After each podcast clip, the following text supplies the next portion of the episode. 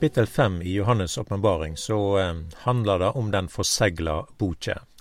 Den har sju segl, og jeg leser her ifra åpenbaringen fem, også vers én.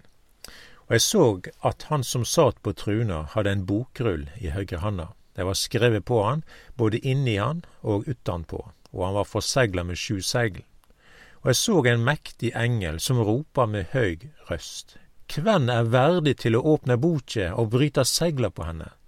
Og det var ingen i himmelen eller på jorda eller under jorda som kunne åpne boka eller sjå i henne. Da gret jeg sårt fordi ingen var funnet verdig til å åpne boka eller sjå i henne. Men en av de eldste sier til meg, gråt ikke, sjå, løva av Juda ett, Davids rotrenning, har sigra. Han kan åpne boka og de sju segla på henne. Eh, denne boka her, det er jo ei viktig bok. I himmelen er det mange bøker, og her er ei av dei. Men det er da ingen eh, hvem som helst da som kan ta fram denne boka og åpne den. Den har sju segn. Det er skrevet både utenpå og inne i den, og det forteller noe både om innholdet og eh, at den er viktig. Når Johannes får vite da at det er i første omgang ikke noen som kan åpne denne boka, så gret han.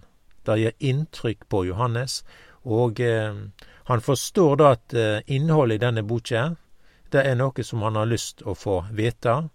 Det er jo òg noe med det oppdraget han har fått, for han skulle jo skrive om det som han eh, ser, og det som nå er, og det som skal komme. Johannes har gjort to ting til oppdraget. Han har skrevet det han så, og det er i kapittel én i Johannes' åpenbaring. Han skildrer Jesus. I kapittel to og tre er det som er nå.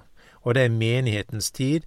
Det er fra apostelgjerningene og pinsedag og fram til bortrykkelsen, eh, som har med kapittel to og tre. Og bortrykkelsen eh, har de samme trekk og ord som en leser om i kapittel fire her i Johannes' åpenbaring og vers én. Deretter så jeg, og sjå, ei dør var åpna i himmelen, og den første røysta som jeg hadde hørt, tala til meg liksom en basun, sa, Kom opp her, og jeg vil syne deg det som skal hende etter dette. Så det som står her, det minner oss òg om den skildringa som vi har i første Tessalonika-brev, kapittel fire, fra vers 13 til 18. Her handler det om bortrykkelsen av Guds menighet. Og eh, Guds menighet er ikke på jorda fra kapittel fire i Johannes' åpenbaring og utover. Den er i himmelen. Johannes' åpenbaring fra kapittel seks utover da skildrer trengselstida og det som skjer på jorda etter at Guds menighet er tatt bort fra jorda. Så det er jo klart at med disse tingene her så er det òg mange spørsmål, og jeg tror òg, ja, med lytterne her, da, når vi sier det på denne måten her, at at vi har det på samme viset som Johannes. Han òg lurer på mange ting. Og, eh, og, når han får sjå da de ting som skal komme, så er det da denne boka som må åpnast. Det er den boka her som forteller om begivenhetene videre. Og når han da i første omgang vært kjent med at det er ikke noen som kan åpne boka, så gret han. Og det er ikke så underlig da, for ja, vi er interessert i korleis det kjem til å gå. Er det den vonde som skal eh, stå fram og fortsette ja, å ødelegge? Vil det alltid være sånn, eller vi ser sjukdom, vi ser mange som opplever det. Eh, ja, dette med krig og rykte om krig, mennesker i sorg, i skuffelse over seg sjøl og andre. Vil det alltid være sånn? Men nå er det med denne boka. Den forteller alt om korleis som kjem til å komme, men eh, her var det da ingen som kunne åpne boka, og Johannes gret. Nå veit vi korleis det gikk. Jesus åpner boka. Det er løva av Juda, eh, Davids rotrenning og ett. Det er jøden Jesus. Jesus er av Juda ett og stamme. Det er han kongestaven er knytta til, og herskerstaven. Jesus er den rettmessige arving til Davids truna i Jerusalem. Paulus han skriver til sin venn Timoteus, og da nevner det på denne måten her, andre Timoteus brev 2 vers 8. Kom Jesus Kristus i hug, han som er reist opp fra de døde, av Davids ett, etter mitt evangelium. Så her blir det da sagt at denne Jesus, som er oppreist fra de døde, han som ble korsfesta langfredag, gravlagt og sto opp att den tredje dagen, det er han som er av Davids ett. Jesus lever, og det er han som skal komme igjen. Og det er òg han som åpner denne boka. Så vi ser at i møte med Bibelen, Guds ord, så er det mange reaksjoner. Vi ser glede, vi ser at Johannes gret, vi hører lovsangen og tilbedelsen, Profeten Daniel har vært helt ifra seg når han får vite om begivenhetene som skal komme. Men det kan godt være at denne her, eh, som profeten Daniel fikk vite, at det er da denne boka som skulle være forsegla inn til endetida. Jeg tror det har en sammenheng her. Eh, vi trekker da parallellen fra Daniel til Johannes' åpenbaring. Så her vil vi da sjå at det er en sammenheng. Jeg leser da ifra um, kapittel åtte i Daniels bok, vers 15. Da jeg, eh, Daniel, hadde sett dette synet og freista å skjøna det, sjå, da sto det ett en skapnad eh, framfor meg, som så ut som en mann.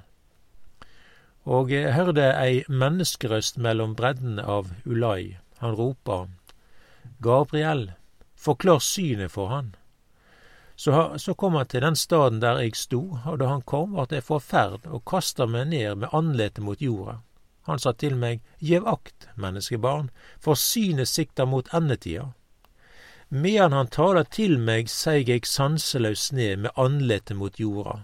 Men han rørte med meg og reiste meg opp. Han sa, Nå vil jeg kunngjøre for deg det som skal hende når vreiden har sitt, eh, si siste tid for synet sikter mot den tida som er fastsett for enden. Så det som vi leser her fra Daniel 8, det er da denne verden med ti horn. Og så er det en geitebukk med to horn. Og her vokser det fram fire nye horn. Og mye av det som er skildra her, er knytta til det greske riket. Vi kan godt si at det greske riket har hatt sin storhetstid, men det er mange ting som henger att med eh, og som har eh, med det greske riket den dag i dag, da. Eh, men det blir òg sagt her at synet sikter mot endetida, så det har nok sammenheng med at Daniel får vite både det som skjer i nær framtid, og at det peker også mot ei endetid, ei fjern framtid. Og det som har med nær framtid, så ser vi da det greske riket. For Daniel han, eh, han får òg vite mye om Eh, kommende riker og nasjoner, konger og fyrster. I kapittel to her i profeten Daniel så er jo drømmen til Nibukaneser, og det handler jo om det babylonske riket, perserne, grekerne og det romerske riket.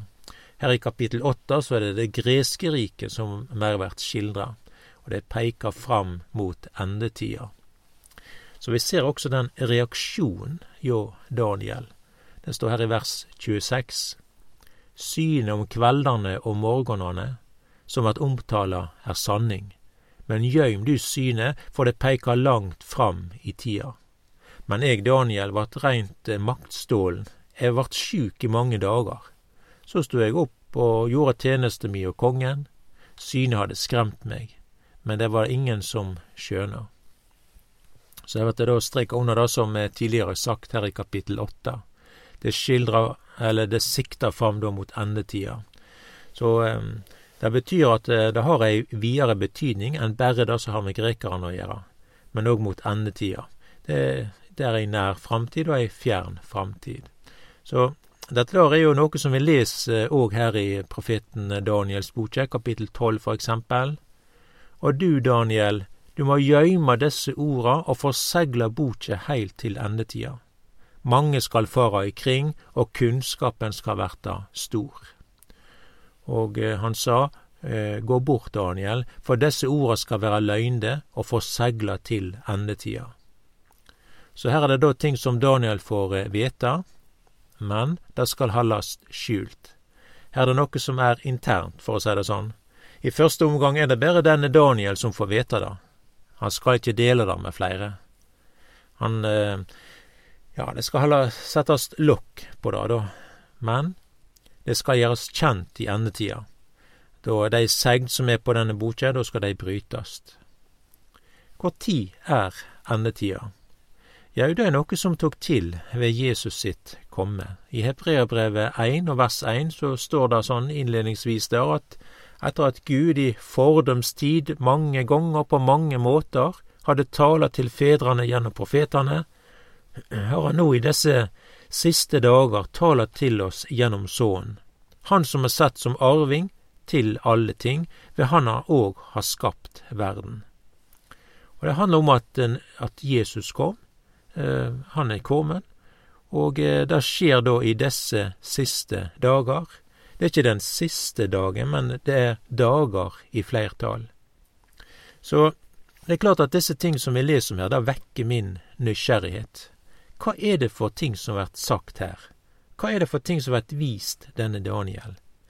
Og når Daniel får vite disse tingene her, så er det ikke bare i første ting her, sånn som Altså, det er begivenheter som skal komme, men det er knytta til de siste tider. Og så ser vi da den reaksjonen jo Daniel. Han fell sanseløs til jorda. Han var helt ifrå seg.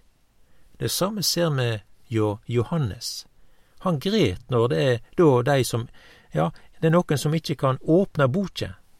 Og seinere så at han full av undring av det som står i boka, og de ting som han ser av, og, og høyrer og får vite. Så det forteller oss at eh, her er det noe vi må være vakne for, det som skjer. Og da eh, skulder vi også og, eh, ja, å være mer opptekne med det profetiske ordet. Hva er det for saker og ting som skjer? Hva er det som gjør inntrykk på deg, denne her Johannes, siden du er gret? Hva er det du får vite, Daniel, siden du har vært heilt ifrå deg? Og vi i dag, vi sitter med begge bøkene. Vi har profeten Daniel, og vi har Johannes' åpenbaring. Vi kan lese, grunne, og det er òg mange andre bøker i Bibelen som vi kan kontrollere oss på. For det er noe med at hele Bibelen den gir oss opplysninger og hjelp til å lese og forstå det profetiske ordet. Det er noe som heter at Skrift tolker Skrift.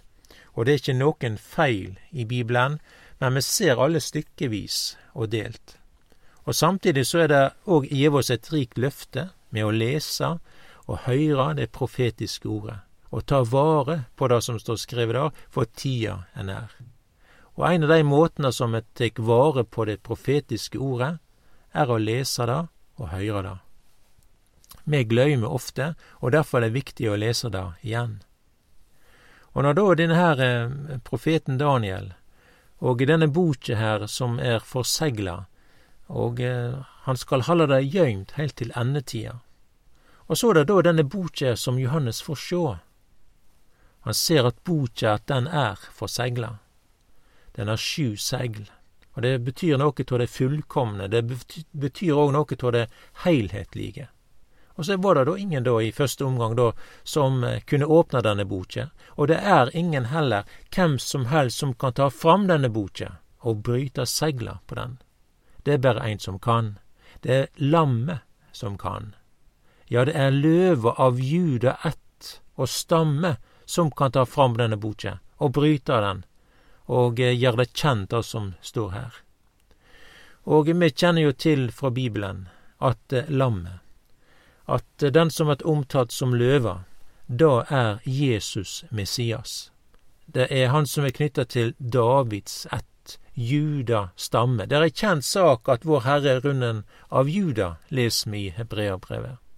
Så begge disse tingene det, det knyttes til eh, Juda, både lammet og løva. Dette er Jesus, min frelser og min venn. Det er Jesus, da. Det er den oppstandende Herre og Frelser. Og eh, ingen er som Jesus, og det er også Han som snart kjem igjen.